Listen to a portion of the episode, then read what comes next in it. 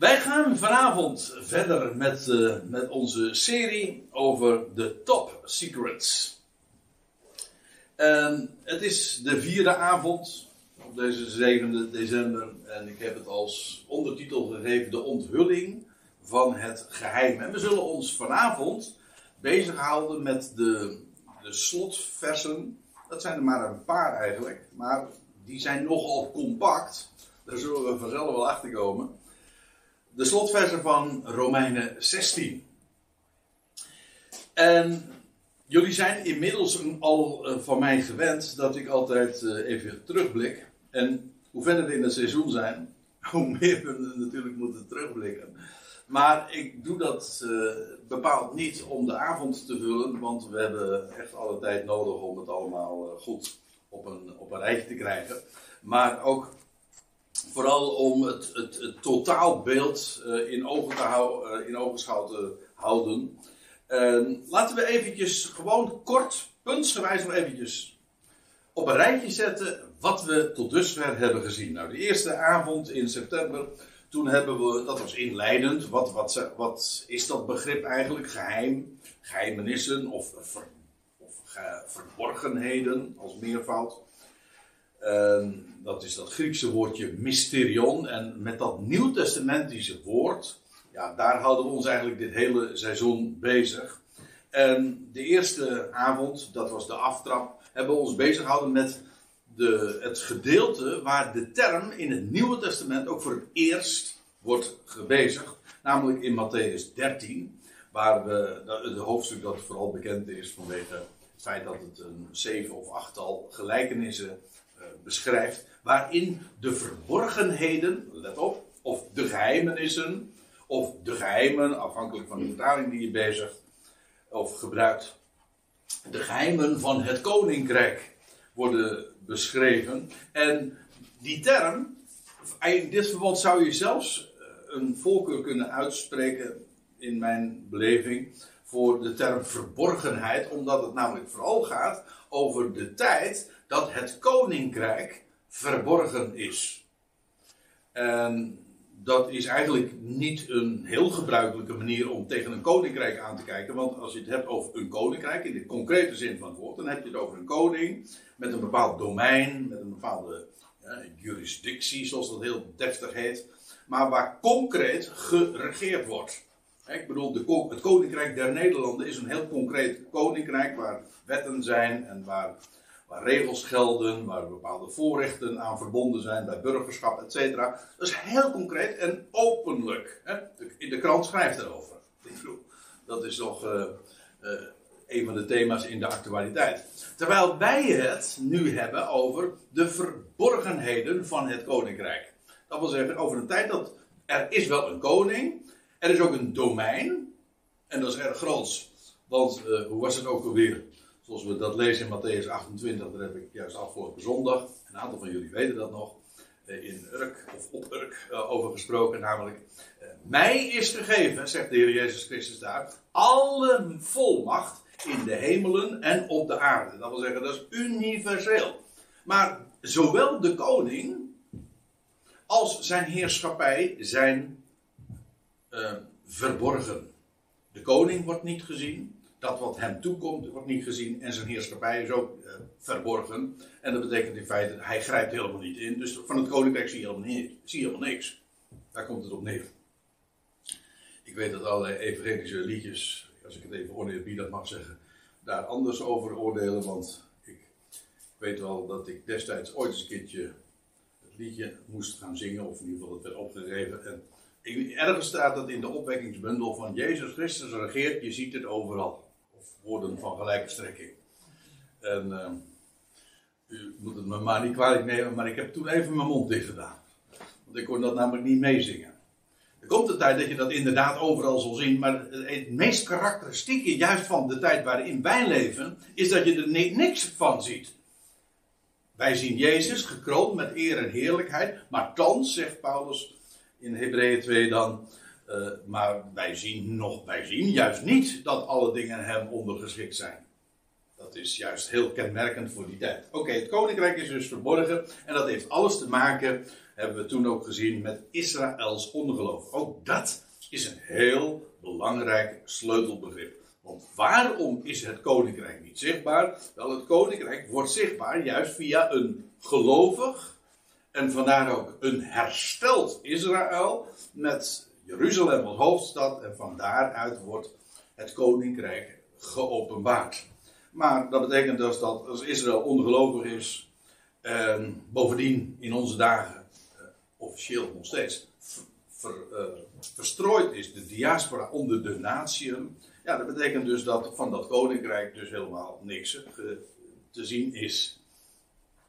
En dat blijft verborgen tot aan, ja, wanneer blijft, wanneer is dat koninkrijk verborgen en tot wanneer? Wel, heel logischerwijs, totdat het uiteindelijk wel geopenbaard zal worden en het koninkrijk wordt wat het geacht wordt te zijn, namelijk een openlijk koninkrijk. En dat zal geschieden in de voleinding van de Aion. En die term die wordt met name in de Matthäus-evangelie nog wel eens gebezigd. Ook in Matthäus 13 diverse keren. En ja, die geheimen of verborgenheden worden in Matthäus 13, want over dat hoofdstuk hebben we het dan toen uh, vooral gehad. Die worden ook uitgedrukt in gelijkenissen. Maar wat is een gelijkenis eigenlijk anders dan een verborgenheid?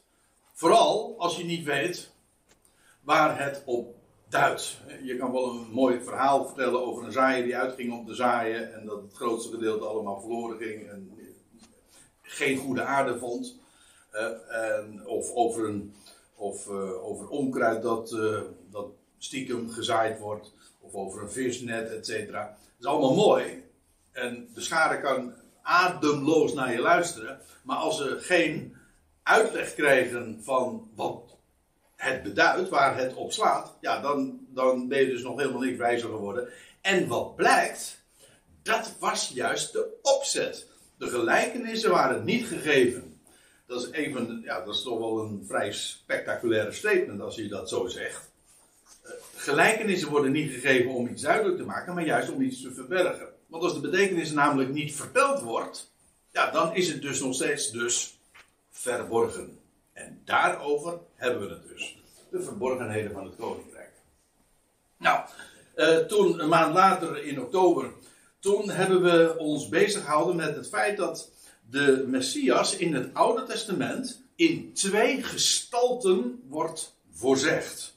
En wel als leidend. Hoezo leidend? Nou, vanwege de verwerping door zijn volk. Maar aan de andere kant, de, en dat is voor, zeker voor het Joodse volk een veel vanzelfsprekender gegeven, namelijk de Messias, dat is hij die zal regeren, de, de telg uit het huis van David, uit de dynastie van David, die zou regeren in Jeruzalem, over Israël en uiteindelijk zelfs over alle volkeren. Maar dat zijn twee gestalten. Aan de ene kant dus een Messias die verworpen wordt en te lijden heeft onder zijn volk en als een schat dus dat stom is voor zijn scheerders naar de slagbank wordt geleid, et cetera. Dat is de ene kant. Maar aan de andere kant de Messias die heerst in heerlijkheid. En die twee gestalten, de vraag is dan hoe die twee gestalten zich tot elkaar verhouden. En dat het, dat het begint met lijden en daarna heerlijkheid is, vooral, is logisch. Hij wordt verhoogd na zijn vernedering. En zoals velen zich hebben ontzet over hem, zo zullen ze, koningen opspringen, zegt Jezaja al. Ja, maar dan is dan vervolgens de vraag, hoe loopt eh, dat tijdpad? Hoe loopt dat, die, die, die route, tussen aan de ene kant de Messias die leidt en verworpen is door zijn volk, en aan de andere kant die verheerlijk wordt en, en heerst in, in glorie in Jeruzalem, et cetera. En de vraag is dan, uh, als je vooral die, de, de tijdvraag stelt, hoe lang duurt die periode en wat vindt er in die periode uh, plaats? Dus tussen aan de ene kant de Messias die leidt en verworpen is, en aan de andere kant de Messias die heerst in Jeruzalem. Uh, hoeveel tijd loopt daartussen en, en wat vindt er in die periode plaats. En we hebben gezien, dat was het sleutelgedeelte in 1 Petrus 1, waar, eh, waar Petrus ook al aangeeft dat zelfs, zelfs de, profetie, de profeten in hun eigen geschriften gezocht hebben en gevorst naar welke en hoedanige tijd de geest in hen doelden. toen hij vooraf getuigenis gaf, toen God vooraf getuigenis gaf in de schriften. Eh, van al het lijden dat over de Christus komen zou. En de heerlijkheden daarna. Met andere woorden, voor de profeten was dat ook niet duidelijk. Die twee gestalten waren duidelijk, zelfs de volgorde was duidelijk. Maar hoe de tijd, over welke en hoedanige tijd dat was, daar hebben ze zelf in hun eigen geschriften onderzoek naar gedaan en ze hebben niet geweten, want het was verborgen. En dat is dus meteen weer een antwoord op de vraag van uh, hoezo uh, verborgen. Nou, dat heeft dus te maken met die tijd tussen de twee komsten van Christus, zoals wij daarover spreken. Eigenlijk, het is een onderbroken komst. De Messias zou komen, maar zijn komst in beide gestalten is onderbroken. Er zit een, een break in. En wat ook blijkt, is dat er in het Oude Testament, ik ben nooit zo weg van die term, ik spreek liever van de Tenach, maar goed, het Oude Testament, dat is uh, toch de manier waarop wij dat meestal benoemen. Dus uh, vooruit dan maar. Uh, in het Oude Testament zijn talloze verborgen aanwijzingen, toespelingen, uh, hints naar, de, naar, naar die onderbroken komst van de Messias. En in feite al die, niet alleen rituelen, voorschriften, maar vooral ook al die geschiedenissen, verhalen in het boek Richteren, noem maar op in Genesis over Isaac en een Jozef en een David en Mozes. You name it, zeggen ze dan. Alles verwijst inderdaad naar hem die zou komen. Het spreekt allemaal over de Christus die zou komen en over hoe hij in, in, in lijden zou komen en vervolgens verheerlijk zou worden. En die, die break, die break, of die, ja, die onderbroken komst, ja, dat is het onderwerp eh, van, eh, van een groot gedeelte van het Oude Testament. En dat maakt de de Hebreeuwse Bijbel, zo ontzaglijk boeiend. En een schatkamer. Waarom? Omdat er zoveel in, let op, verborgen ligt. En dan hebben we toch weer, ook weer een andere route zijn we bij dit begrip aangekomen, namelijk de verborgenheid en de verborgenheden. Dat staat allemaal dus. Dus als we het hebben over de verborgenheid, dan hebben we het over dingen die in het Oude Testament onbekend zijn. Dat is waar, we zullen het straks ook zien. Maar niettemin, het staat er wel degelijk opgetekend, alleen verborgen. En dus kun je te vinden met, met dat wat je achteraf ja, want dat is het. Als je eenmaal weet hoe het zit, dan kun je het, dan kun je het alsnog. In al die geschiedenissen herken je die waarheid van de onderbroken komst. Dus buitengewoon boeiend, maar ook een belangwekkend gegeven waar we het over hebben. Nou, Nou wordt mijn inleiding alsnog vrij uitgebreid, maar goed, het, het, het moet dan maar. Uh, de derde studie, en dat is dus de laatste keer dat we hebben besproken, hebben we hier eh, zijn geweest. En toen hebben we het gehad over Romeinen 9 tot en met 11. 9-11, ja, precies dat. En toen, dat zijn die hoofdstukken waarin Paulus beroemde hoofdstukken, eigenlijk ook een onderbreking, hoe vindt u die? Want het is, ja, hij onderbreekt zijn betoog. Eigenlijk het slot van Romeinen 8, dat, dat vindt zijn vervolg in Romeinen 12, vers 1. Dat betekent dus dat die tussenliggende hoofdstukken, 9, 10 en 11, eigenlijk een onderbreking zijn. En ook dat is heel uh, stilistisch. Ik kom op die term trouwens straks ook nog even terug. Maar uh, ja, en waarin, uh, waar gaat het dan over? Wel, Paulus heeft het dan over het, het, als ik het even heel kort zeg, over het Joodse nee tegen haar Messias. Het ongeloof in onze huid, tot op de dag van vandaag, van het Joodse volk ten opzichte van de Messias, die juist voor hen is, in de eerste plaats is gegeven. En in die hoofdstukken, Romeinen 19 en 11, gaat Paulus aan de hand van allerlei oud-testamentische gegevens, want hij doet niet anders dan citeren uit de profeten en, en, en, en trouwens ook uit de hele Hebreeuwse Bijbel. En aan de hand van allerlei oud-testamentische passages, dan laat hij ook zien dat eh, al, ook daar dus al van die heenwijzingen en toespelingen zijn, zelfs ook profetieën, over dat Israël boos en jaloers zou worden gemaakt door wat geen natie is. En door een onverstandig voor Deuteronomium lees je dat, die dat, zo ook, dat dat ook zo beschreven wordt. En wat dacht u, eh, ook dat is iets wat we hebben gezien, dat God zou zich eh, in een tijd dat zijn volk hem verwerpt, zou hij gevonden worden door hen die niet naar hem zochten.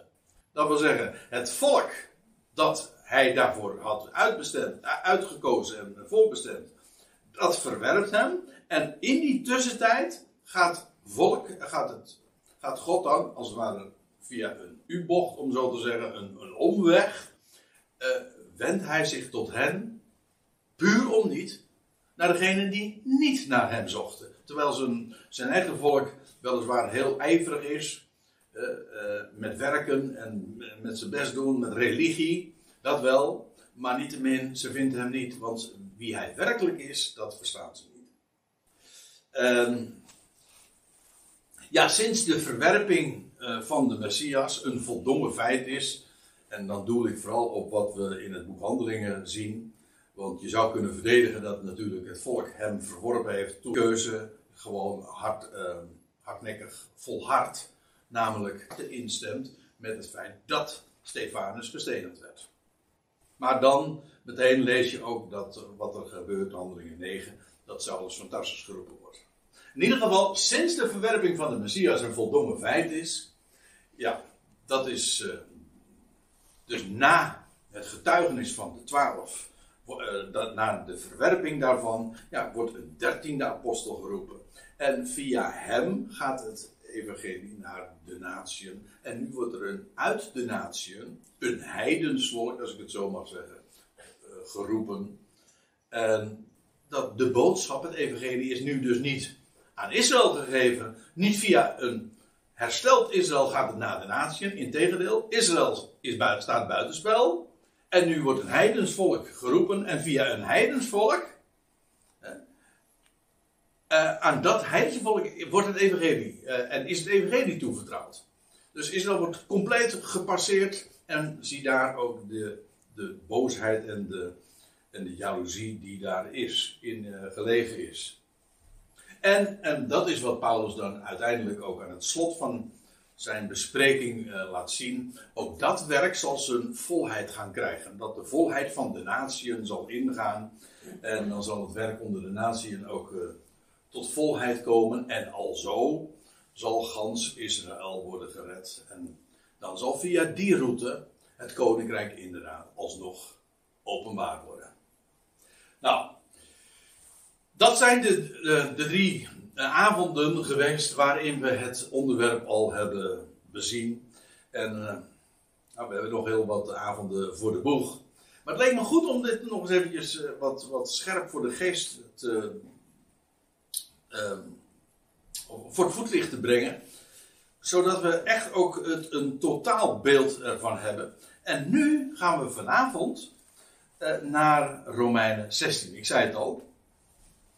En in dit geval, eventjes voor de goede orde. Meest, de laatste tijd is het vaak dat ik gewoon de MBG-tekst volg. Even met eventuele correctie. Nu doe ik het meteen al gecorrigeerd, zeg maar. Uh, vrij letterlijk vanuit de, u zult het zien, vanuit de, de interlineair. En laten we die laatste versen van Romeinen 16 eens wat nader bezien. Uh, in feite is het een postscriptum, een PS, zoals je dat bij een brief doet, je wil nog wat uh, aan toe. Feitelijk was de brief namelijk al afgesloten en dan volgde er nog een, een, een naschrift. Want dat is wat postscriptum eigenlijk betekent. Een naschrift. En, maar ook dat is weer op een bijzondere wijze opgebouwd. Het, is, het eindigt feitelijk met een lofprijzing. Dat is nogal duidelijk, want dan wordt er gezegd: aan hem nu. Uh, die bij macht is jullie standvastig te maken. Uh, en dat aan hem nu, dat geeft aan dat hier nu de brief, dus heel duidelijk, onderstreept, een postscriptum, het is een, een duidelijk slot, eindigt als, als een conclusie, maar ook als een climax in een één grote ode aan ja, de God waar Paulus in de hele brief over heeft gesproken. Over de, over de wegen die God gaat. Maar ook, ja, het is de Romeinenbrief. Het is niet voor niks de eerste brief in, uh, in, de serie, in het hele oeuvre, zeg maar, dat we van Paulus in, de, in de Nieuwe Testament vinden. En een buitengewoon fundamentele, grondige uiteenzetting van het evangelie van God. Met dank aan Romeinen 1 vers 1, waarin dat zo benoemd wordt. Hè? Het evangelie van God. En Paulus uh, sluit dat hier aan het, in, helemaal aan het einde van, uh, van de brief van Romeinen 16 dan af. En dan is dit feitelijk, die lofprijzing is een conclusie. Alles wat hier uh, nu nog gezegd gaat worden, dat, ja, dat is afgeleid uit het voorgaande, maar het is ook een climax. En vandaar ook dat, ja, Paulus had dat al eerder in de brief gedaan, want dat gedeelte waar ik het over had, Romeinen 9, 10 en 11, dat eindigt ook in een grote lofprijzing, waarin Paulus als het ware um, op zijn knieën valt. Je, je ziet het hem eigenlijk doen. Als je, als je als de tekst volgt, uh, alleen al die uitroep, hè, dat hij dat die, dat die nog, wat is het, Romeinen 11, vers 33, dan zegt, oh, diepte van rijkdom en wijsheid. Als je alleen al dat zegt, oh, dan, dan ben je eigenlijk dan ben je verstomd. Dan, dan weet je eigenlijk niet wat je daarop nog moet zeggen. En die, die lofprijzing die is hier ook zo op zijn plaats. Het is inderdaad dat wat God waardig is te ontvangen. Uit hem, door hem, tot hem zijn alle dingen. En dat is wat Paulus hier ook gaat zeggen. En daar staat er aan hem nu, die bij macht is, jullie standvastig te maken. Dus het is niet, niet alleen maar, het is niet zozeer uh, versterken, kracht te geven, maar standvastig te maken. Dat wil zeggen, uh, de termen versterken en standvastig maken komen dicht bij elkaar. Kun je verdedigen. Maar standvastig maken wil zeggen dat je blijft staan in weerwil van allerlei invloeden. Want er komt, je zou zeggen, voor blijven, om te blijven staan is weinig nodig. Want dan hoef je namelijk, je hoeft niet te bewegen, je hoeft, je hoeft, niks te doen. Feitelijk toch? Ik sta nu hier en, eh, en ik, sta, ik, blijf, ik blijf hier voorlopig even staan. En ja, daar hoef ik niet veel voor te doen. Want, maar en toch, uh, dat standvastigheid, die, waarom is dat dan toch zo belangrijk? Wel, als, je, als daar zoveel invloeden, zoveel krachten op je inwerken, die je willen meenemen. En, en meesleuren, of die je meevoeren door allerlei, dan, zo werkt dat vaak, door gedachten uh, en door, hoe heet dat, um, wat is de term in Efeze 4 ook? Uh, allerlei, oh ja, wind van leer, ja, precies. Ja, dat is ook wind. Als de, de wind krachtig is, nou, blijf dan maar eens een keertje gewoon. Als het heel krachtig is, blijf dan maar eens gewoon staan. Of in nou ja, welke metafoor je er ook voor gebruikt. Maar in ieder geval om standvastig te blijven. Er is er één die je ons standvastig kan maken en dat is Hij. En vandaar ook dat, dat het is een bene die je heel dikwijls in zijn brieven uh, terugvindt. Blijf staan. En de goddelijke kant van het verhaal is natuurlijk dat hij bij machten is jou te doen staan. En hoe zou hij dat doen? Ja, eh, ik heb het hier als retorische vraag uh, als kanttekeningen bijgezet. Hoe anders dan door inderdaad dat wat Paulus in deze brief naar voren brengt. Dat is juist zo'n fundamentele uiteenzetting. Fundamenteel, dat wil zeggen, een, het, is, het is een fundament, het is een rots waar je op kunt staan. Ja, maar dan is het van belang dat je weet waar het om gaat. En dat je je niet laat afbrengen. En er is er één die bij macht is daarin ons te doen staan. En daarom zijn die brieven ook gegeven. En deze brief in het bijzonder dan ook. Aan hem nu, die bij macht is, jullie standvastig te maken. En nu uh, ga ik op iets wijzen. Uh, dat ik eigenlijk al even had aangekondigd. Want nu volgt er een tussenzin. En dat ziet u ook in uw vertaling terug. Eh, zowel in de MBG als in de Statenvertaling. Trouwens, elke vertaling, want het, is gewoon, het heeft niks te maken met vertalen. Dit is gewoon. Paulus onderbreekt namelijk zijn zin. Dat is het verhaal. En dan, zo noemen we dat, hè, een tussenzin dan. Woorden zijn er nog meer. Een parenthese, dat wil zeggen, of een pauze. God, er zijn nogal wat woorden. Een interval. Dat zijn allemaal woorden die uitdrukking geven aan het feit dat uh, Paulus een gedachte hier begon. Aan hem nu, die bij macht is. Jullie vast te doen staan. Ja, en nou, nou zou je normaal gesproken uh, dus de lofprijzing zou, zou, worden doorgetrokken. Maar dat doet hij niet. Hij, hij gaat nu een lange tussenzin maken. U zegt, ja, dat is typisch Paulus. Zijn stijl, schrijfstijl.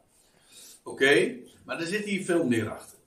Want hier volgt een, een tussenzin die met 8 en 12 tot en met 16 en 9 tot, 19 en 11, nou, dat is een onderbreking in zijn betoog. Maar guess what? Hè? Die, die hoofdstukken die gaan juist over de onderbreking even een omweg maken, om zo te zeggen. Om uiteindelijk wel weer daar terug te komen. Maar nu leven we in die tussentijd, in die tussenzin. Nou, wat hier nu gaat volgen, is dus ook, uh, het is een onderbreking. Ja, maar dat is precies waar hij het nu ook over gaat krijgen. Uh, het, namelijk over de tijd tussen Israëls verwerping, in het verleden, en haar toekomstig herstel. Oftewel de tijd tussen de eerste en de tweede komst van Christus. Over dat uh, fenomeen, over de, de invulling van die tijdspanne, zal ik maar zeggen. Eh, daar gaat deze tussenzin ook weer over. Dat is, prachtig zoals, ja, je kunt zeggen van, god, dat is uh, mooi, uh, knap bedacht van Paulus. Uh, maar ja, ik, ik zie dat, dat is het, u en ik geloven in de inspiratie, hè? De, de schrift, al, al, elke schrift is van God geblazen. En dat, is, dat is levend. Het is levend woord. Het is, uh, soms, net als die profeten, die wisten soms zelf ook niet wat ze schreven. En ze hebben een naspeuring gedaan van, ja, wat, hebben we nou eigenlijk geprofiteerd?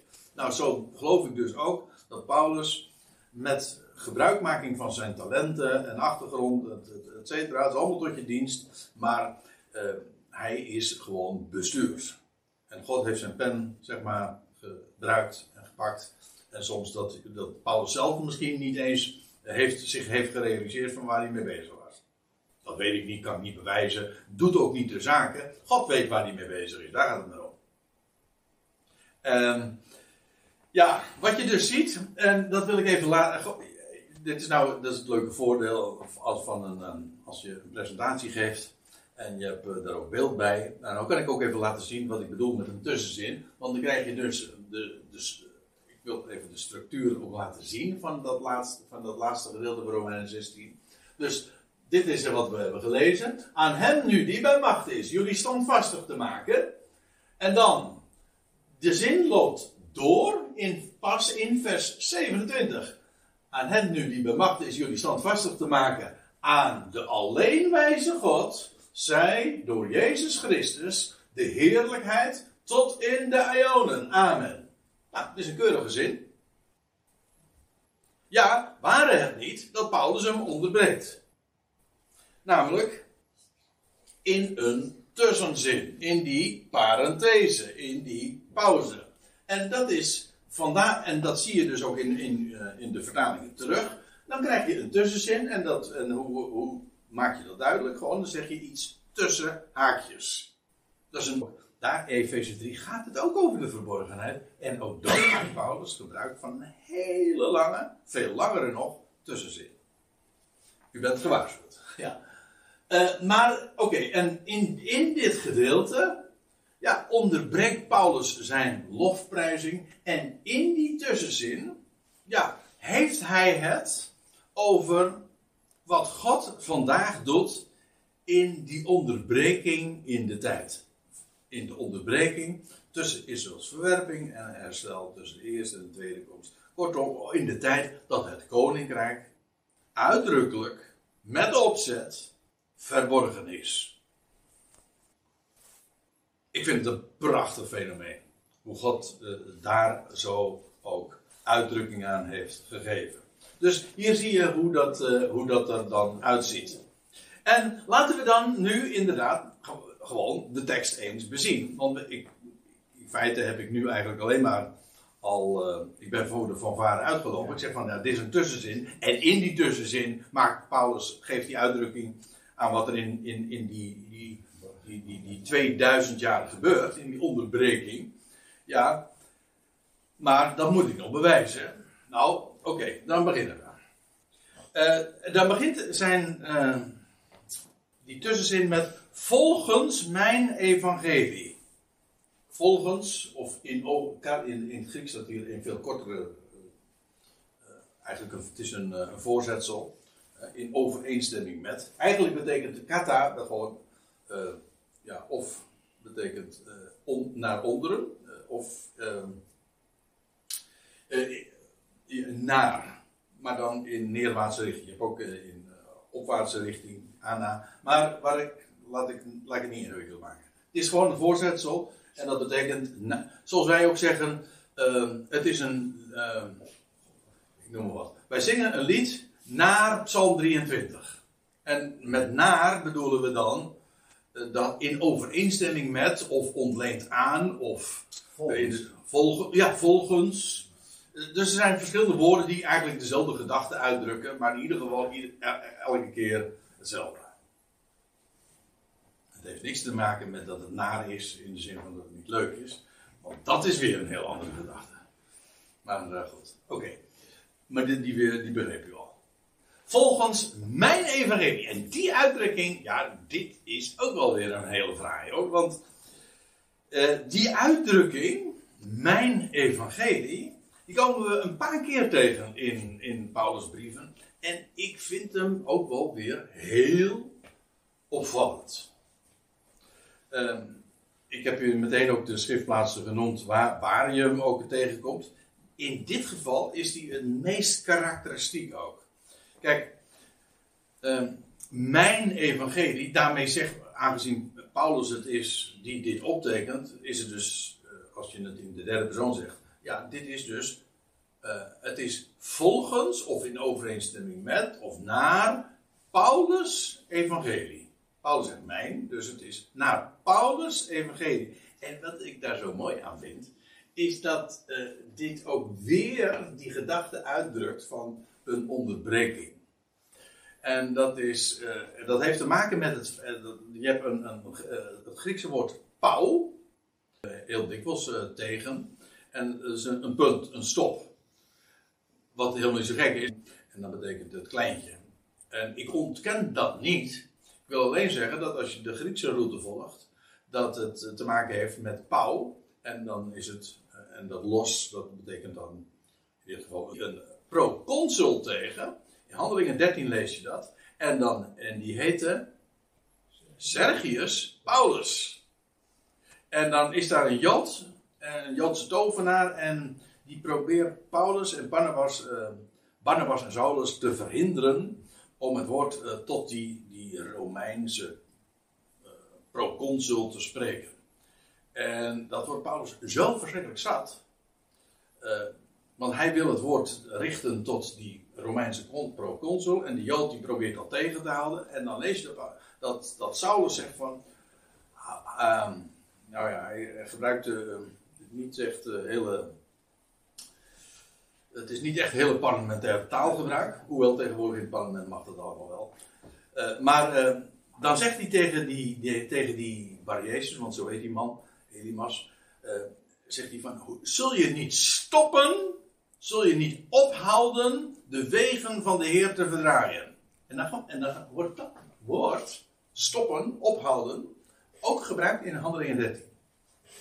En dan lees je op dat moment dat Paulus, Saulus, uh, dat zegt, wordt Elimas blind. En ja, hij zocht, uh, hij zocht uh, toen ja, iemand die hem bij de hand kon nemen. Maar hij was, en dan lees je, hij, voor een tijd lang was die Elimas, die Jood, blind. Een illustratief verhaal, want dan staat er, Saulus die zegt van, zul je niet ophouden, en dan staat, voor het eerst wordt deze auteur dan genoemd Paulus. Hij tot dusver noemde Lucas hem altijd Saulus, en bij, op het moment dat hij bij die Sergius Paulus is, en dat verhaal met de Jood, die probeert hem uh, tegen te houden, dan wordt, en dan staat er, en Saulus, anders gezegd, Paulus, Handelingen 13 vers 9. En vanaf dan heet Saulus consequent altijd Paulus. Dus vanaf het moment dat die Jood uh, hem proberen te verhinderen om zich tot de natie te wenden. Dit is illustratief. In alle opzichten. Waar het me nu even om gaat, want ik kom nu veel te veel in de verleiding om die geschiedenis te behandelen, gaat me erom. Het is een onderbreking. Er wordt iets gestopt voor een tijd. En dat, is, uh, dat heeft alles te maken ook. Dus het hele uh, fenomeen dat het evangelie naar de natieën gaat terwijl de Joden uh, terzijde staan en buitenspel worden gezet. Ja, heeft alles te maken met het, de persoon van Paulus. En ook met zijn naam. Het heeft te maken met die onderbreking, met de pauze, de onderbreking. En dus, ja, als hij zegt mijn evangelie, ja, dan moeten we het dus hebben over het evangelie van Paulus. Want aan, aan, eh, aan Paulus was het evangelie door openbaring bekendgemaakt. Ja, wanneer? Na Israëls officiële afwijzing van het evangelie. Kijk, als Paulus zegt mijn evangelie, dan suggereert hij daarmee van ja, het evangelie wat ik vertel, dat heb ik niet zomaar van een ander. Dat heb ik rechtstreeks van de Heer zelf. En dat zegt hij ook, want laten we eventjes uh, de bonnetjes erbij geven. In Galaten 1, daar staat erbij. Uh, want ik maak u bekend, broeders, dat het evangelie, het welk door mij geëvangeliseerd wordt, niet is naar de mens. En dan zegt hij erbij, want ik heb het ook niet van een mens ontvangen of geleerd, maar door openbaring van Jezus Christus. Met andere woorden, het evangelie, dat heeft hij. Het is niet naar de mens, hij heeft het niet van de mens, niet nog, nog ontvangen, nog geleerd. Hij heeft, Paulus is hoogst persoonlijk onderwezen door Jezus Christus zelf. En vandaar ook dat hij dat later in, in Gelaten 2 noemt het evangelie van de voorhuid, van de natieën, heb je het weer. Dat aan hem toevertrouwd was en dat, hij zegt, ja, dat is anders niet andersoortig, maar het is anders en onderscheiden van het evangelie dat Petrus en de zijnen en de twaalf uh, was toevertrouwd. En uh, dat was de evangelie van de besnijderis. Dat verschil. Vandaar ook dat Paulus inderdaad kan spreken over mijn evangelie, mijn evangelie en de proclamatie van Jezus Christus. Of zoals het staat in de evangelie, de prediking maar eigenlijk staat er in het Grieks eh, een woord, ja, dat heeft te maken met een herautboodschap. Wat ik eigenlijk zo apart vind. Want ik denk dat je hier gemakkelijk overheen leest. Sterker nog, uh, als ik zeg, ik denk dat je gemakkelijk hier overheen leest. Ik moet eigenlijk zeggen, ik heb hier altijd overheen gelezen. Want, uh, want wat hier staat eigenlijk, dat woordje en hier is een nadere toelichting. In de zin van namelijk. Grieks noemen ze dat een hendiatis. Dus, uh, het is mijn evangelie en het is ook de proclamatie van Jezus Christus. Waarom? Wel, Paulus' evangelie, dat is de proclamatie van Jezus Christus zelf. Dat zijn die twee dingen, dat is, dat is hetzelfde. Jezus Christus spreekt vandaag via het woord dat Paulus predikte. Dus wat als Paulus zegt, het evangelie wat hij brengt, ja, maar dat is niks anders dan wat Jezus Christus vertelt. Het is namelijk Jezus Christus die hem heeft uitgekozen, zich aan hem bekend heeft gemaakt. En Paulus is de mond van Jezus Christus. En uh, dat is ook, ik verwees zojuist naar Galaten 1, maar in Galaten 1, vers 16, daar lees je ook. En ik denk dat het heel gemakkelijk uh, kan worden, ook daar heel gemakkelijk overheen gelezen kan worden. Maar daar lees je ook, het behaagde God zijn zoon in Paulus te openbaren. Dus wie wordt openbaar in Paulus? Wel, de zoon van God zelf. En ja, dat is. Uh, ik noem het hier al zomaar als één puntje, maar jongens, uh, dat, zou, uh, dat zou echt een avond verdienen om dat eens eventjes uit, uiteen te zetten. Maar let op, in, als in, in Jezaja 49, dat is over verborgenheden gesproken. Als in Jezaja 49 gesproken wordt over het licht van de natieën, terwijl Israël ook daar weer terzijde staat, wat blijkt dan? Dan gaat het over Paulus. Je zou zeggen daar in, in, in Jezaja 49, het gaat daar over de Messias die tot een licht der natieën gesteld wordt. Dat is waar. Maar als Paulus dat dan vervolgens in Handelingen 13 aanhaalt, dan zegt hij van ja, maar dat ben ik. Dat wil zeggen, het gaat via mij. Dat is zodat de Messias in onze dagen spreekt via de apostel Paulus. Dus als Paulus zegt, ja, dat eh, is allemaal volgens mijn evangelie. En dat is niks anders dan de proclamatie van Jezus Christus zelf. Hij is aan het woord. En hij gebruikt daarvoor de apostel Paulus. Dat geeft trouwens ook aan de enorme status die aan deze apostel wordt gegeven. Van Gods wegen. En Paulus was zich daar heel erg van bewust, want dan mag zijn naam in het Latijn dan kleintje betekenen. Maar als, als Jezus Christus jou heeft uitgeroepen en Paulus zichzelf, ja wie ben ik? Ik ben een vervolger van de Ecclesia. Niet eens waard een apostel te heten. Ja, maar juist daarom. Juist daarom werd hij geroepen opdat God de boodschap van genade juist via hem zou klinken. Ja, ik vind het geweldig. En uh, we lezen even verder. Dan staat er volgens onthulling van, ja, uh, van een geheim. Of ja, in de MBG staat het geheim. Er staat eigenlijk nog geen bepaald lidwoord. Dus eigenlijk volgens onthulling van een geheim dat Ionische tijden verzwegen is. Nou, het hele seizoen hebben we het over het mysterion, geheim. Nou, dat woord is wat hier uh, gebruikt wordt. En ik had het als ondertitel deze avond gegeven: De onthulling van het geheim. Wel, dat is hier aan. Uh, het evangelie dat Paulus predikte, dat niets anders is dan de boodschap van Jezus Christus zelf, dat is allemaal volgens, heb je het weer? Paulus gebruikt het, uh, dat woordje kata hier in deze passage drie, vier keer. Uh, maar dat is allemaal in overeenstemming met de onthulling van een geheim. Ja, zolang het een geheim is, kun je er niet over spreken. Maar als het onthuld is, daarentegen wel. En het gaat hier dus over een geheim dat gedurende ja, tijden van Ionen, ik kom daar straks op terug, verzwegen is.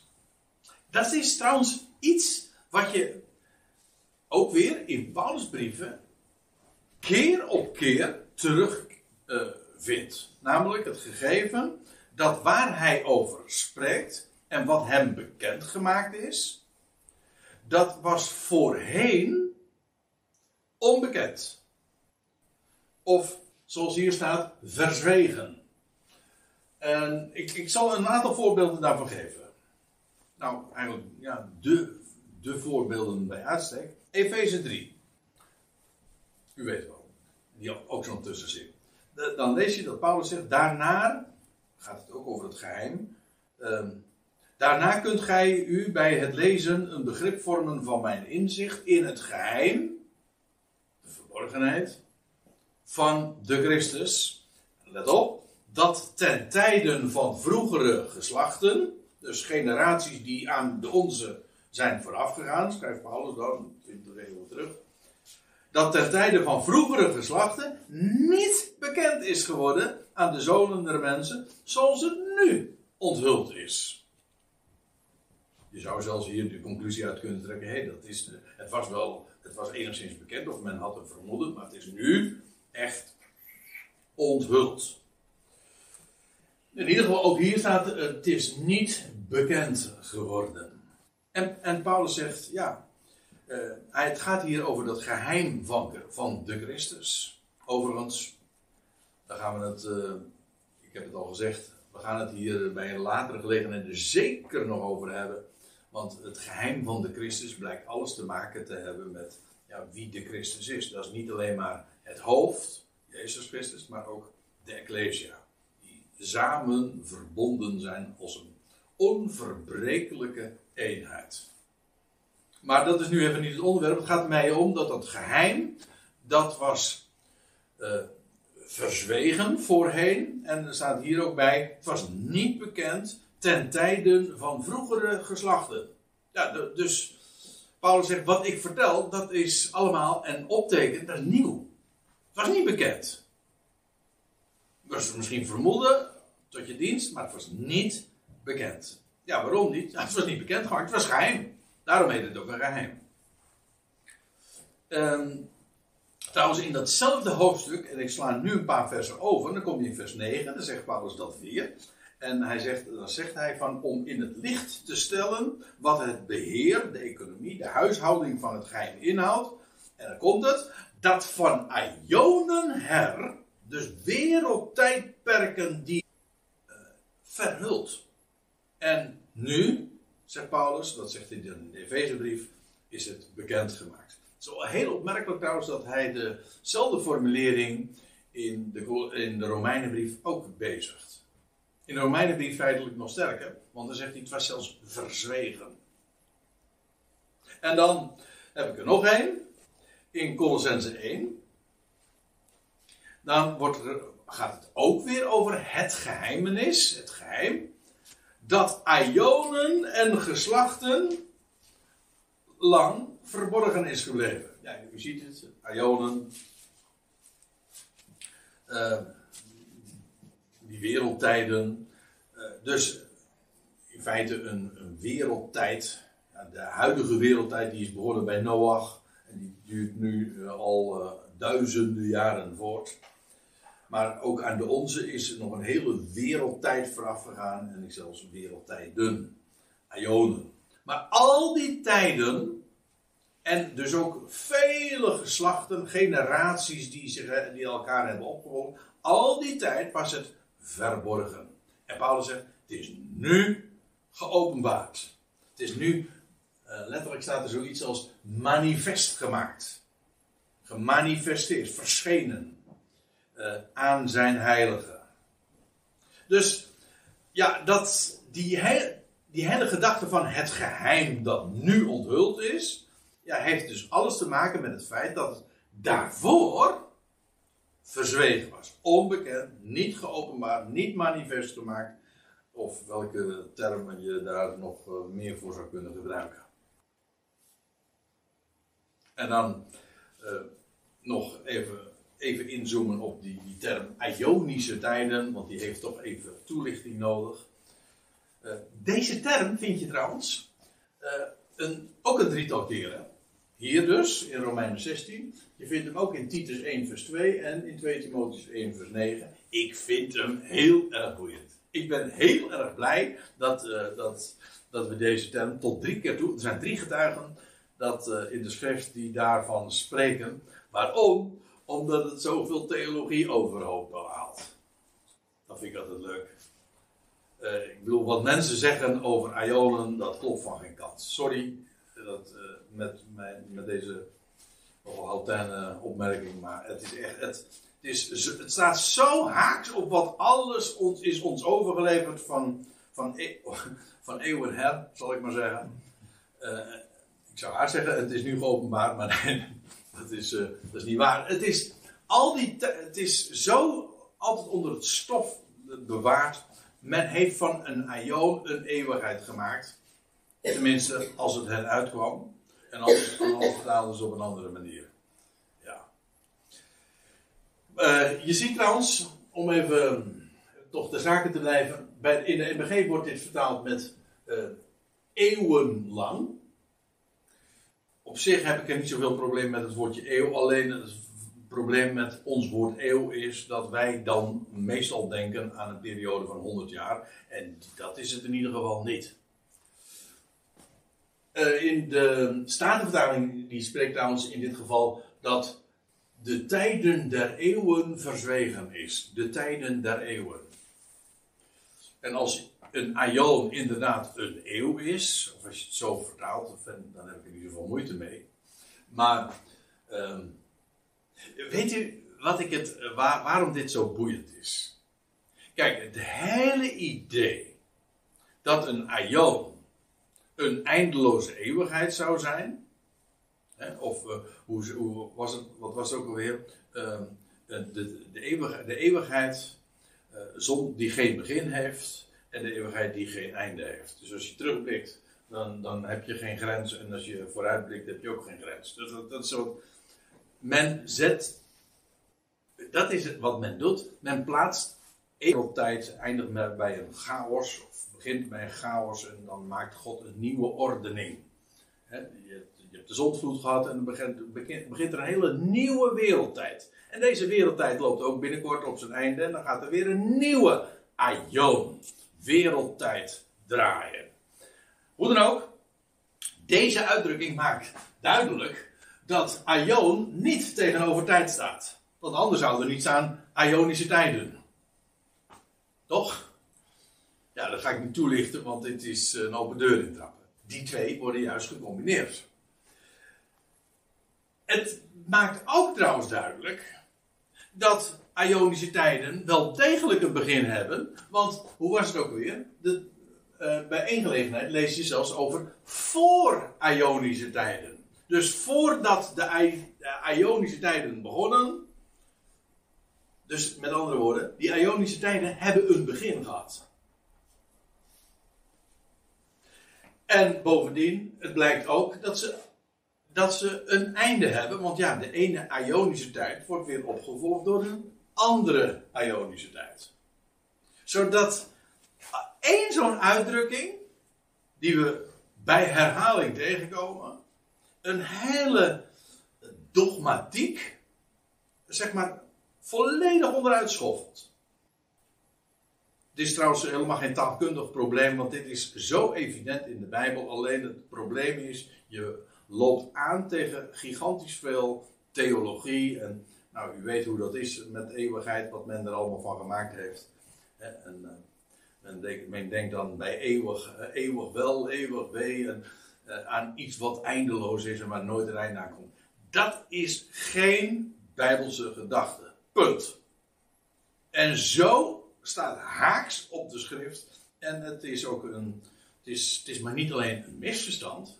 Het is zelfs killing, want je, als je denkt dat Aion eindeloos is, dan ken je het evangelie niet. Want er bestaat er dus ook niet zoiets als, uh, dan, ja, dan is de eeuwige straf en al die dingen, die, daar komt dan ook nooit een einde aan. Weg evangelie. Ja. Maak er ook nog meer fout van, hè? Hè? dun. Hè? Maar maakt er ook nog meer van. Ja, ja, dat is ook nog zoiets. E, tot in alle eeuwigheden, wat natuurlijk helemaal uh, bizar is.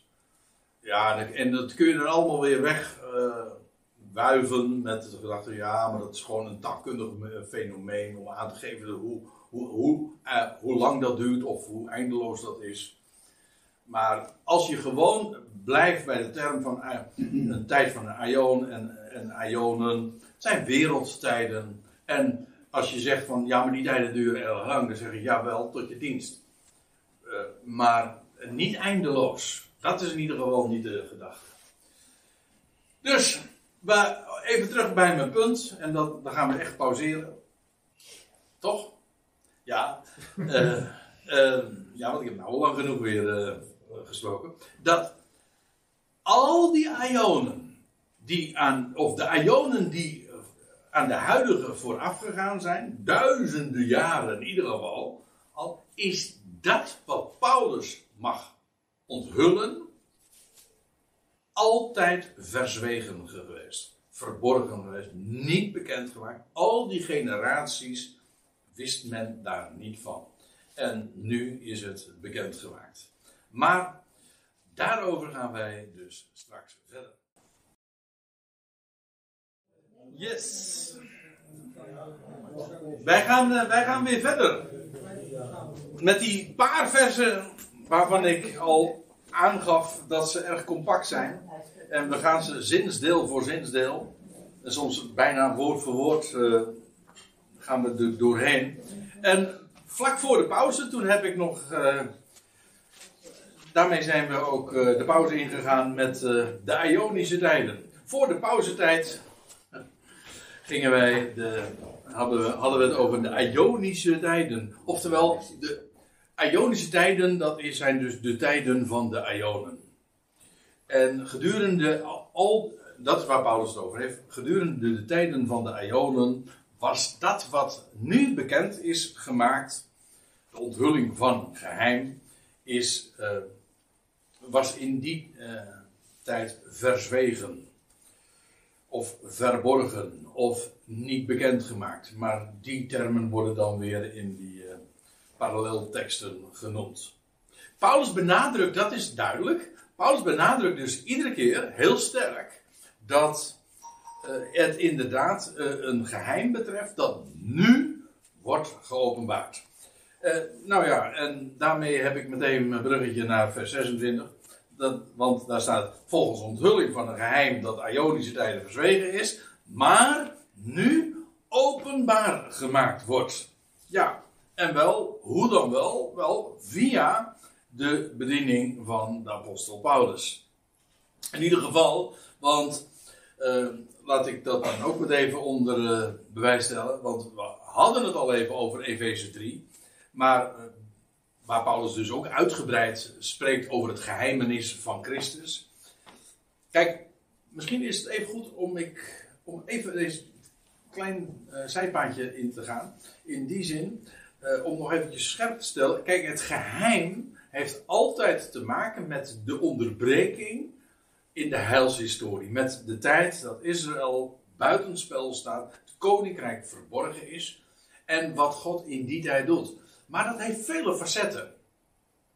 Want ja, het geheim is, heeft te maken met dat het verborgen was. Maar wat is dan verborgen en wat doet God in deze tijd? Ja, hij roept een ecclesia, maar met welke bestemming en welke status? Wel, uh, in hoeverre uh, is daar al van sprake? Wordt dat geïllustreerd in de Hebreeuwse Bijbel, et cetera, et cetera. Het heeft als een diamant talloze facetten en kanten.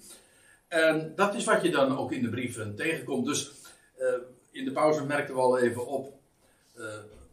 een paar van jullie zeiden, brachten dat al even ter sprake. Dat Paulus feitelijk hier niet eens specifiek en expliciet, zo moet ik het zeggen, uh, aangeeft wat hij in Romeinen 16 bedoelt met het geheim. Hij veronderstelt het kennelijk als bekend. Het heeft te maken inderdaad uh, ja, met al die dingen waar, ik het, uh, waar we het inmiddels al over gehad hebben. Maar het loutere feit, misschien is dat nog even belangrijk om dat nu nog even aan te geven. Het loutere feit dat Paulus in deze brief nu voor de tweede keer spreekt over een geheim dat onthuld wordt. Maar hier in het slot, in deze afsluiting van de brief, er verder niet meer op ingaat waar hij heel uh, specifiek op doelt. moet betekenen dat hij dus kennelijk voortborduurt op wat hij zojuist eerder in deze brief heeft gezegd. En toen ging het, maar dat was het onderwerp van de vorige keer, toen ging het over dat een tijdelijke verharding is over Israël gekomen. En dan staat erbij, totdat. Paulus zegt, ik deel jullie geheim mede. Zo was het nog, hè? Romeinen 11 vers 5. Zie broeders, opdat jullie niet eigenwijs zouden zijn, deel ik jullie een geheim mee. Een tijdelijke verharding is over Israël gekomen, totdat de volheid van de natieën ingaat. En alzo zal gans Israël worden gered, gelijk geschreven staat, et cetera. Nou, uh, dat is vrij letterlijk aangehaald, zoals dat dan daar staat. Maar dat is dat geheim. Het heeft te maken met de tijd dat Israël buitenspel staat en verhard is. Totdat die tijdspanne en over die tijdspannen gaat het dus ook in, in, uh, in Romeinen 16. En nu hebben we het dus over het feit dat het geheim nu openbaar gemaakt wordt, onthuld wordt. En Dus, door openbaring het geheimenis bekendgemaakt is. Dus hier, hier, hier wordt heel uitdrukkelijk ook gezegd uh, via welk kanaal de onthulling van dat geheim plaatsvond. Paulus zegt, door mij, door openbaring het geheim bekendgemaakt is. Hij zegt trouwens, een paar versen later, vers 5, dat het ook uh, geopenbaard is aan zijn heilige, uh, hoe staat het, aan zijn heilige apostelen, of aan de heilige, de apostelen en profeten. Dus ik denk ook dat Paulus het geopenbaard heeft, bekendgemaakt heeft aan zijn collega uh, apostelen. En zij en via hem eh, zijn zij ook op de hoogte gebracht. Maar hier in ieder geval, door openbaring is aan Paulus is het geheimenis bekendgemaakt. Hij is trouwens, maar dat is het onderwerp van uh, Efeze 3, niet in Romeinen 16 komt dat niet aan de orde. In de hele Romeinenbrief eigenlijk nauwelijks de, de waarheid van lichaam en hoofd. Maar in Efeze 3 zie je wel heel uit. Wat daarvan? Maar uh, oké, daar gaan we het dus uh, volgend jaar, 2024, nog over hebben. Hier uh, gaat er even om, het is geopenbaard via het kanaal van Paulus. En Paulus zegt dan, gelijk ik tevoren in het kort daarvan schreef. Ja. ja, dit is trouwens, misschien dat we bij later opteren voor het laatste, maar het, het doet nu even voor het verhaal niet zo heel veel ter zake. Eh, in ieder geval is het wel zo dat hij in de gevangenisbrieven echt heel uitgebreid uitpakt. En dan, dan is het niet meer in het kort dat hij daarover schrijft. Nee, dan, dan schrijft hij daar uitgebreid en volledig over. Hoe, hoe, zegt hij dan ook in Colossense brief? Dat hij het woord van God tot volheid brengt, tot compleetheid brengt. Hij, alles wat daarover te melden valt van Gods wegen, heeft hij ook in geschriften bekendgemaakt. Ja, en dan heb ik het volgende bruggetje weer. Goh, uh, was niet eens gepland, door mij tenminste.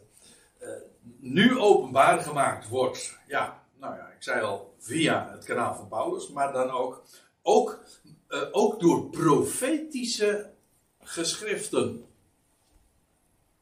Ja, en dat is waar wij ons zelf wel gelukkig in mogen prijzen, denk ik.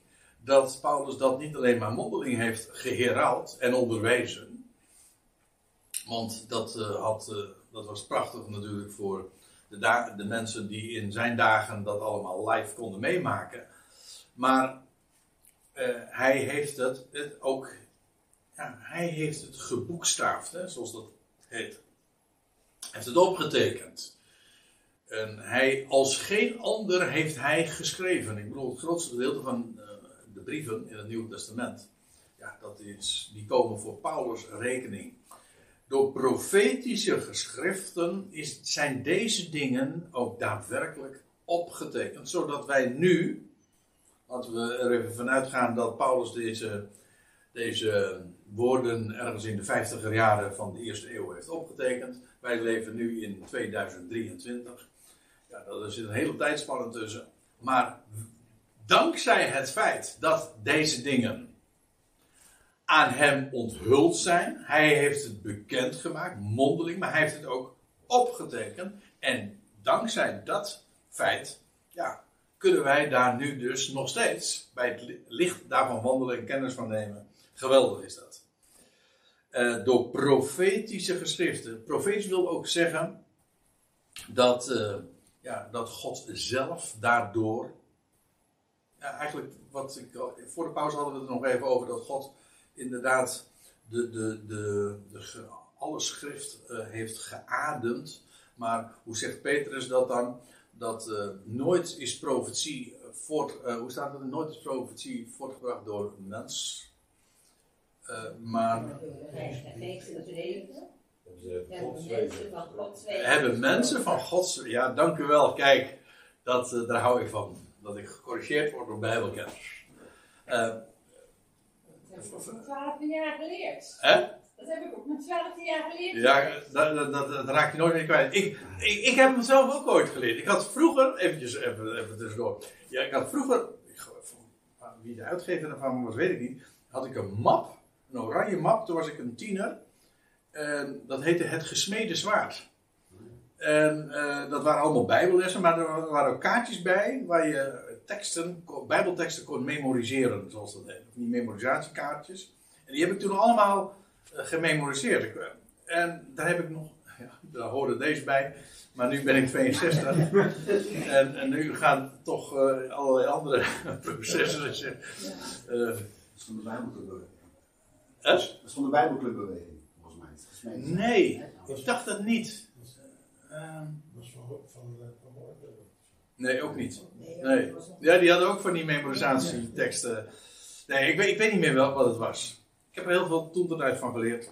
Ik denk dat ik nu mijn hoofd zou schudden als ik zo dit nou, Ja, de maar ik ben. Hè? De schijf raakt ook een keer vol. Ja, de schijf raakt vol. En, maar mensen hebben van God, en daar gaat het me nu om. Even terug uh, bij af. Uh, in 1 Petrus 1. Uh, of nee. Wat was het? Nee, uh, 2, 2 Petrus 1 aan het slot, ja. Mensen hebben van Gods wegen gesproken. Nou, het is en gesproken en hier geschreven. Ze hebben het opgetekend.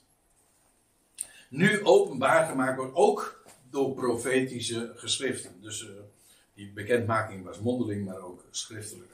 En dat was maar geen eigen keuze van Paulus, maar volgens uitdrukkelijk bevel van God. Dus die hele bekendmaking van het geheimenis, ook het feit dat dat schriftelijk moest zijn, dat was, uh, ja, zo moest dat. Het was volgens uitdrukkelijk bevel van God. Paulus wist ook echt, dat kan niet anders, wat hem te doen stond daarin. Niet alleen maar dat hij dat mocht herauten, ja, en mocht onderwijzen, maar ook hij wist deze dingen moeten worden opgeschreven. En volgens uitdrukkelijk bevel. Het staat hier een heel sterk woord hier in het uh, Grieks volgens uitdrukkelijk bevel van de Ionische God. Ik geef toe, ik heb, uh, ja, ik moet, je moet je wel eens een keer daarvoor uh, verontschuldigen als je het woordje Ionisch gebruikt, want nog niet zo heel lang, lang geleden, toen dacht iemand, ik weet niet of hij dat voor de grap bedoelde, zei of dat het serieus meen, dat ik, dat, dat ik uh, toen ik dat woord Ionisch gebruikte, toen dacht hij aan Bionisch. Hij had ooit Kent u die, uh, die serie destijds nog van de tv van de, de Six Million Dollar Man and Woman? En uh, met de bionische armen en benen en zo. Nee, niet, niet over bionisch, over ionisch. En nou goed, inmiddels, jullie weten waar ik het over heb natuurlijk. We hebben het er al zo vaak uh, toch over gehad. In de NBG-vertaling staat dan de eeuwige God. Ook daarmee heb ik geen probleem voor het gemak zet ik, als ik al meega in die keuze, zet ik altijd een streepje tussen eeuw en de rest van het woord. Dan weet je dat het iets te maken heeft met eeuw en niet met iets eindeloos. De God van de. De God, ja, dat is dus wat je eigenlijk krijgt, want dat is precies wat ik wilde zeggen. Als Ionische tijden, nou, de tijden van de Ionen zijn, daar zijn de, de, de dat lijkt me vrij logisch en de vertalers die geven dat ook zo weer, of de tijden van de eeuwen, zo u wilt. Ja, wat betekent de uitdrukking de Ionische God dan? Anders dan de God van de Ionen. En het hele idee, ik, ik herinner mij ook, ja, ik herinner mij toch wel een en ander. Ik beklaag me meestal over het feit dat ik dingen juist niet meer herinner. Maar eh, ik herinner mij ooit dat eh, deze, deze term, de eeuwige God, eh, dat kan. oh ja, de, de, de redenering ging zo. Zo werd dat eigenlijk ook mij tegengeworpen toen ik zo uiteenzette dat Aion te maken heeft met tijden. En een begin en einde hebben. Dat kan niet, want God is zelf eeuwig en God heeft toch geen begin en einde. Maar zal ik u eens vertellen, dat is een dwaze conclusie. Er klinkt een logica in door, dat geef ik toe. Maar het is dwaas als, je bij, als ik zeg, God is de God van Israël.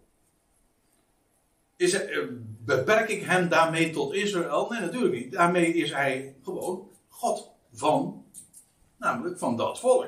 Hij is, hij is de God van het land, hij is de God van de, hij is de God van de ganse aarde. Hij is ook de God des hemels. Beperk je hem daarmee dan? Nee, natuurlijk niet. Hij is de God van de, in dit geval ook van de Ionen. Wie anders? Hij staat aan het begin. Hij heeft die tijden laten lopen en die lopen nog steeds door en voorlopig gaat het nog even door ook trouwens.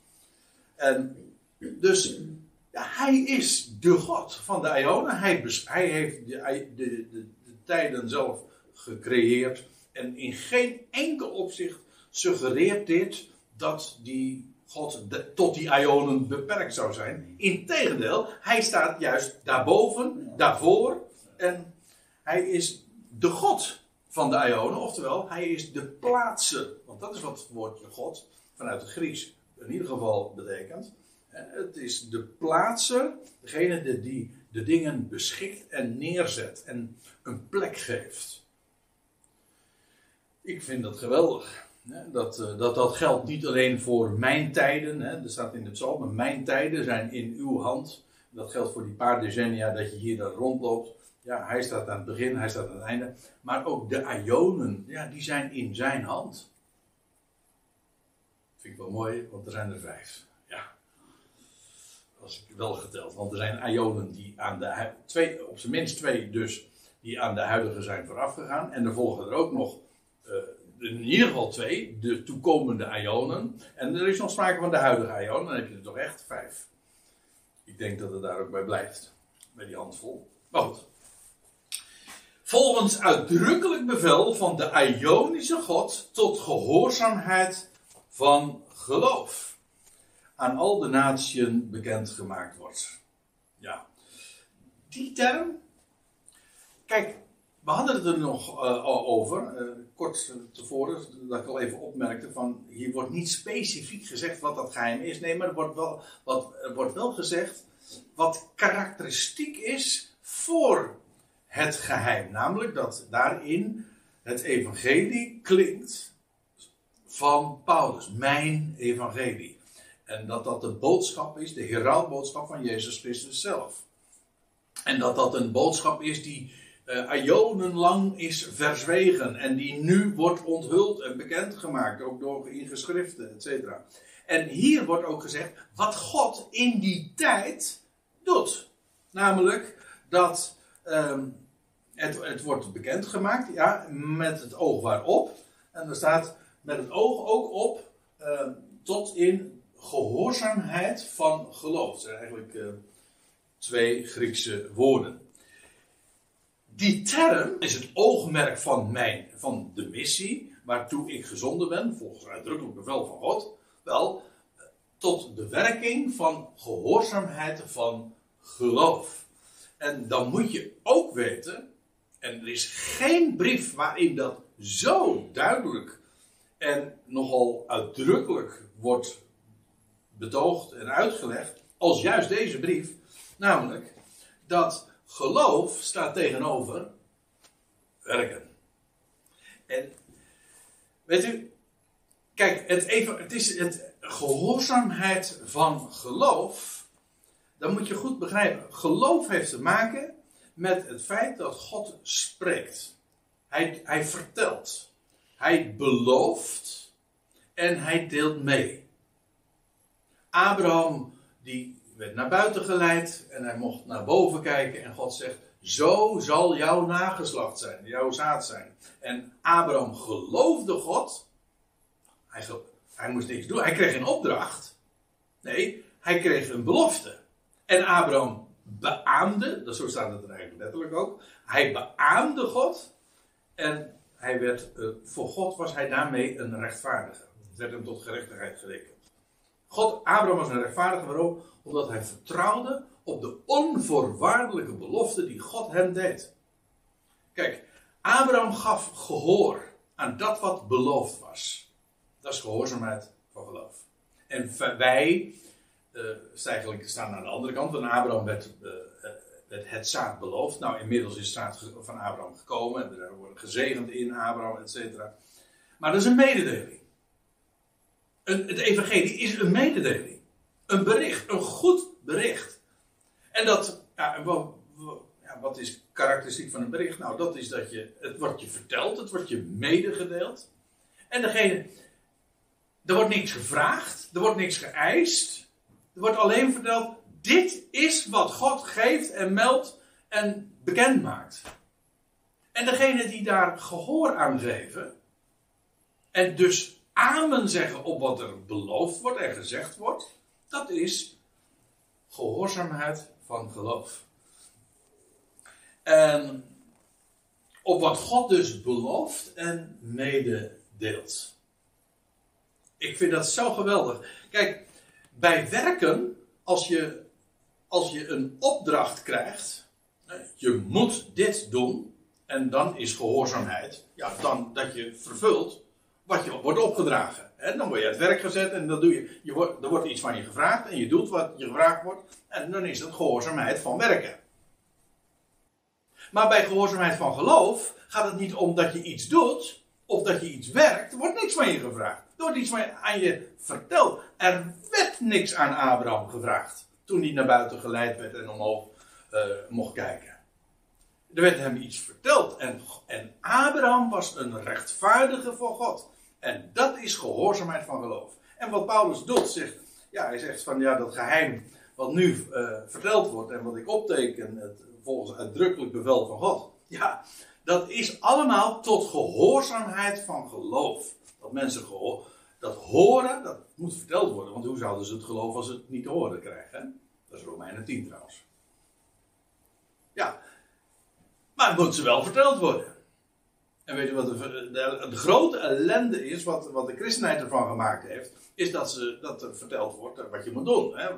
Allerlei werken, je moet, je moet je moet zo. Nee, helemaal niet. Dat is geen gehoorzaamheid van geloof, dat is in feite, Paulus zegt, ook in deze brief. Waarom is Israël gestruikeld? Dat is dus Romeinen 9 vers, wat is het, 32, 33. Omdat ze uitgingen van werken en niet van geloof. Daarom zijn ze gestruikeld. Zij dachten dat God iets van hen wilde. Of van hen vroeg. Nee, en daardoor zijn ze gestruikeld. God vertelt, dit ben ik. Ik ben jouw redder. Dat is het evangelie. Geloof het maar. Ja, geloof het niet, maar dit is wat ik te melden heb. Ja, dat is een geweldig evangelie. En dat is, uh, ja, als je, als je dat hoort, ja, wat kun je dan doen? Als je het gelooft, dan, zeg je daar amen op. En dat is gehoorzaamheid van geloof. En Paulus zegt, tot gehoorzaamheid van geloof uh, aan al de natieën bekend gemaakt wordt. Wie het ook maar horen wil. In feite inclusief het volk dat onder de natieën verstrooid is. Officieel is dat nog steeds de status van het volk. De diaspora. Ik denk ook trouwens dat God hen onder de natieën verstrooid heeft. Waarom? Omdat ze daar onder de natieën ook kennis zouden hebben, krijgen, individueel, van deze belofte, van dit geweldige evangelie. Ja, die natie hebben geen goed uh, werk gedaan. Nee, dat, zeker, dat, is, dat is wat Paulus in Romeinen 11 ook al zegt. Van ja, als jullie niet bij je geloof blijven, dan zal jullie net zo vergaan als Israël weer. Dus, uh, en in de praktijk zie je ook dat de christenheid, net zoals het volk Israël, volledig weer de weg ingeslagen is van werken. En gewoon een religie is geworden. Het is gewoon net zo'n religie als alle andere religies. Alleen dan christelijk. Maar juist dat maakt het juist des te gevaarlijker. Toch? Want het gaat allemaal onder de vlag van Christus, het Evangelie, de Bijbel. Ja, maar dan moet je juist naar kijken. Maar niettemin, de boodschap, dat is de officiële, dat is nog steeds de situatie, het evangelie, dan via de, eh, de apostel Paulus, eh, in geschriften wordt dat, is dat neergelegd bij de natie. En er wordt eh, ook vandaag nog steeds dat volk uitgeroepen. Ja, niet via Israël, maar via een heidens volk. En dat is ook een heidens werk. Hoe was het ook alweer?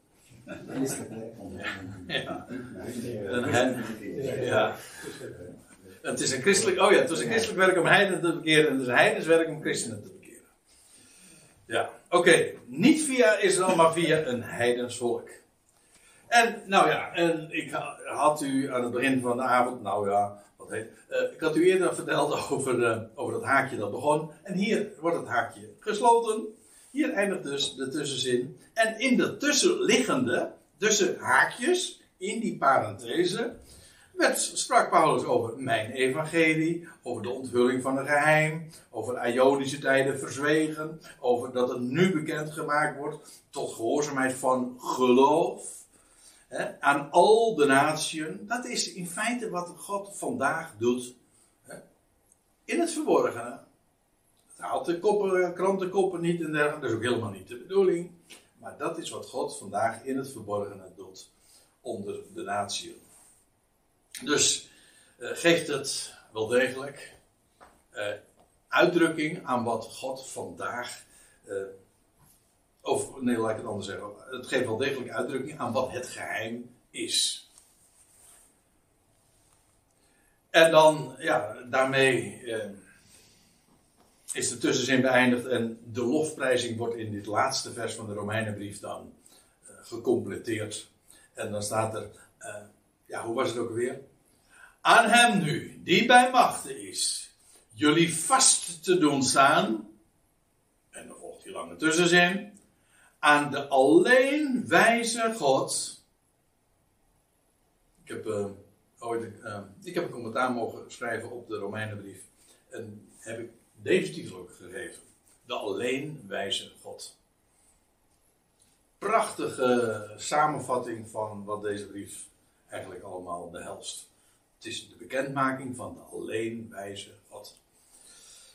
Want alleen Hij is in staat zo'n plan te maken, maar ook te volvoeren. Wat een wijsheid. En in feite, dat is wat Paulus ook in het, eh, eerder in deze brief, in het slot van Romeinen 11, als hij dat allemaal zo beschreven heeft. eh, en waar ik al eerder op doelde, als hij dan als het ware op zijn knieën valt, dan zegt hij: O diepte van rijkdom en van wijsheid en van kennis van God. Kennis heeft te maken met dat wat God allemaal weet, maar ook, en die wijsheid heeft te maken met het overzicht dat hij heeft over al die tijden en over al die plannen en alles wat daarin een plek krijgt, de alleenwijze God. Hoe onnavoorspbaar zijn zijn oordelen en hoe onnaspeurlijk zijn wegen. Want wie kende het denken van dit? Wie weet wat er in hem omgaat? Of wie werd eh, zijn raadsman? Of wie werd eh, zijn adviseur? Wie heeft God van advies gediend? Van zo zou u het moeten doen.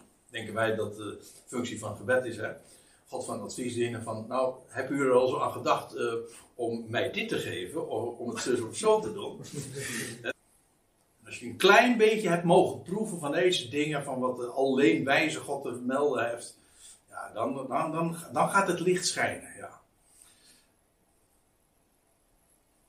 ja geweldig. Aan de alleen wijze God, zij door Jezus Christus, ja, ook dit, dit stramien, dit, patroon, dat zie je overal weer in terug natuurlijk. Ook dit raakt natuurlijk, we hebben het daar veel eerder al een heel seizoen over gehad. Uh, heel veel theologie. Maar het is al, dit is, de, de dit is de, de manier waarop de schrift erover spreekt. Er is één God. En er is ook één middelaar van God en mensen, namelijk de mens Christus Jezus. En die hele gang raken. God krijgt de ode en alle eer aan de alleenwijze God. Maar hoe komt dat? Nou, via hem. Zoals God tot ons komt, tot de mensheid komt, via Jezus Christus, zo komt de mensheid ook tot God via hem. Hij is die middelaar. Ja, ik heb nog een paar andere passages bijgeleverd eh, waar je datzelfde idee vindt, maar ik zou er talloze andere schriftplaatsen kunnen noemen, waar je datzelfde idee zit altijd weer. Waar- Waarom zegt hij geen Christus Jezus? Ja, dat, ja, dat doet, eh, want de- het is, kijk, het is eh, geen vast patroon, hè? Paulus gebruikt het. Nou, meestal weet ik niet, dat zou je nou even moeten tellen. Het aardige is dat de uitdrukking Christus Jezus, die kom je een, of 99 of 100 keer, of 98 iets in, in die sfeer, kom je tegen. En uitsluitend bij Paulus. Gaat maar na, Christus Jezus. Alleen Paulus spreekt over Christus Jezus. En de logica erachter is heel, is heel, ja, heel simpel. Kijk, de apostelen die kenden eerst Jezus, die hier op aarde wandelde, die vervolgens verhoogd werd en tot Christus gemaakt werd. Dat was de historische volgorde. Maar Paulus leerde hem kennen als de opgewekte. En wie, en dan, wie bent u, Heer? Nou, ik ben Jezus, hier op aarde leefde, die jij vervolgt. Dus Paulus kende hem via, als eerst in de eerste plaats als de opgewekte Christus, namelijk degene die hier op aarde Jezus was. Dus Christus Jezus, dat is echt typisch Paulinisch. Waarom? Omdat het verwijst naar hoe hij in aanraking is gekomen met hem. En Jezus Christus is zeg maar de historische volgorde. Eerst was hij Jezus en daarna werd hij verhoogd. Hoe zegt eh, Petrus dat? Eh, God heeft hem tot Christus gemaakt, die gij, eh, Jezus, die jullie hebben gekruisigd. Oké. Dus het is geen wet van mede en persoon. Pa- Paulus spreekt heel vaak ook over Jezus Christus. Maar het is wel heel typisch en typerend voor hem dat hij uitsluitend als enige over Christus Jezus spreekt. En aan hem door Jezus Christus, eh, aan de alleenwijze God, zij door Jezus Christus. De heerlijkheid tot in de Ionen. Dan hebben we het weer. Die, die, die eh, Ionen. Het is zo belangrijk om daar goed zicht op te hebben, want het komt zo vaak weer terug.